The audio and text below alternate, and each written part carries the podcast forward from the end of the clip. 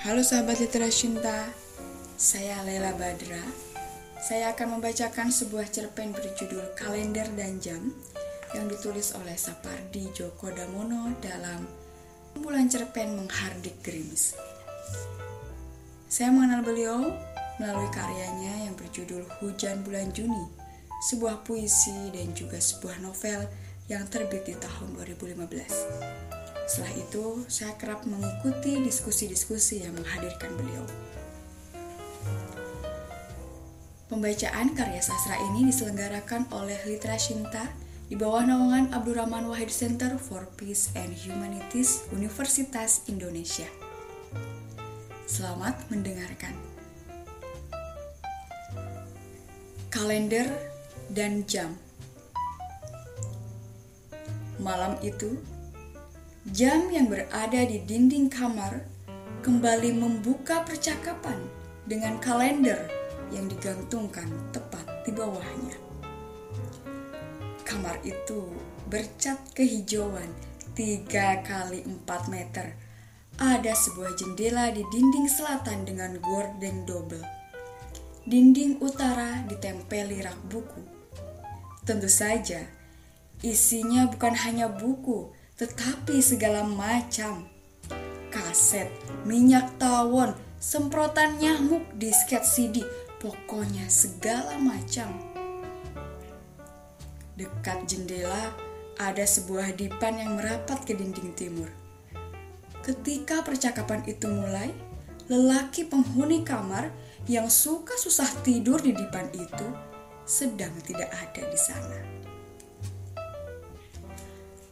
Kalender memang terkenal keras kepala, tetapi jam selalu berusaha meyakinkannya tentang hakikat waktu. Waktu itu fana, kata kalender. Disobek dan berkelebat begitu saja, tidak akan pernah bisa ditangkap lagi. Orang menyobekku dan memanfaatkanku sebagai bungkus kacang atau apa saja katanya. Hanya untuk menghilangkan jejak yang pernah dilaluinya dengan sangat tergesa Telunjuk orang, katanya, selalu bergeser dari tanggal ke tanggal yang sangat rapat jaraknya.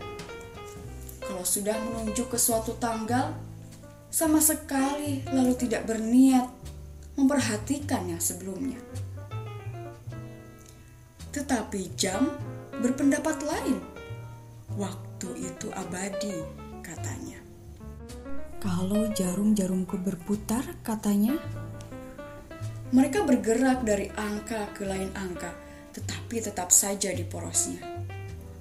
Karena abadi, kata jam, ia tidak bisa ditunda atau dibatalkan, apalagi dihentikan.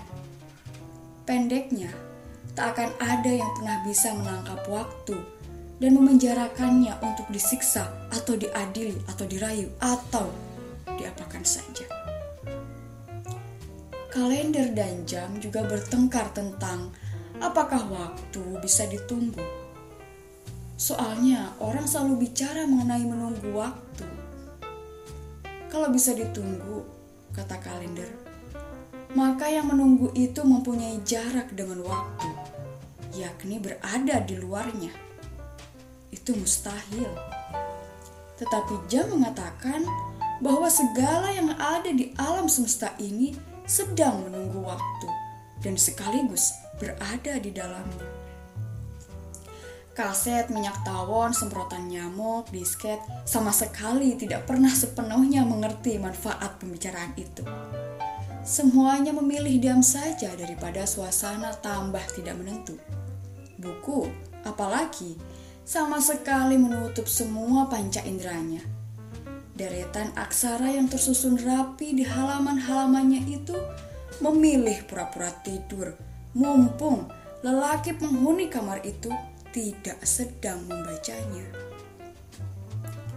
Lelaki itu, jika sedang di rumah, sambil tiduran atau sambil pura-pura bercakap-cakap dengan aksara-aksara itu, suka nguping pembicaraan mereka. Ia dengar perbantahan itu ributnya bukan main, tetapi ia tak pernah bisa memahaminya. Menghayatinya mungkin saja. Pada saat-saat tertentu, ia memang merasa terganggu oleh cekcok itu. Oleh karenanya, ia sangat sering susah tidur. Tapi dokter hanya memberikan beberapa butir obat tidur saja setiap kali badannya yang kurus itu merasa meriang. Dan bahkan, apoteker kenalannya yang menjadi sahabatnya sejak sekolah rendah juga tidak berani memberinya obat tidur. Nanti apotek kami ditutup kalau ketahuan memberikan obat tidur tanpa resep dokter, katanya selalu. Malam itu juga yakni ketika lelaki itu tidak berada di kamar, tepat di bawah jendela ada sekuntum bunga wijaya kusuma yang sedang mekar. Sangat hati-hati. Oleh waktu, ia memang hanya diberi jatah malam hari untuk mekar. Jika kebetulan lelaki itu di kamar, ia suka menyingsingkan gorden dan menyaksikan tontonan yang menakjubkan itu Kesabaran, katanya sendiri hampir tak kedengaran. Bukan, keindahan, katanya membantah dirinya sendiri. Permainan, bisik lelaki itu jauh dalam hatinya, sambil sesekali menoleh ke arah jarum detik jam yang tak pernah berhenti berputar. Bunga yang mekar sangat hati-hati itu seperti merasakan hidup yang nyerinya hampir tak tertahankan yang hanya bisa dihayati dan dipahami oleh jam dan kalender. Dan kalender dan jam pun memperdebatkan masalah itu. Itu proses kelahiran, kata jam. Bukan, kata kalender. Itu upacara kematian. Tiba-tiba saja Kamar jadi sangat gaduh lantaran semua barang yang berada di rak buku itu berteriak-teriak meminta agar perdebatan yang tak menentu dan membuang-buang waktu itu dihentikan saja. Membuang-buang waktu malah tambah tak berujung pangkal pertengkaran mereka. Sayang, kali ini lelaki yang suka nguping itu sedang tidak ada di kamar. Ia tidak menyaksikan Bagaimana bunga yang di bawah jendela itu hati-hati sekali mekar di awal malam. Dan menjelang pagi, kuntum-kuntumnya dengan hati-hati sekali. Seperti mengatup lagi dan menjadi layu. Ia tidak mendengar bagaimana jam dan kalender itu begitu sengit bertengkar sehingga letih dan akhirnya memutuskan untuk meminta pertimbangan kepada si lelaki itu perihal bunga itu.